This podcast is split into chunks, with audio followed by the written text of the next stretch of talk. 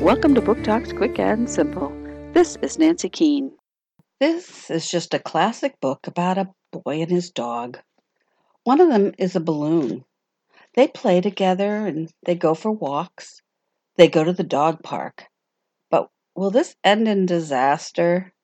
There's a lot of pointy things out there.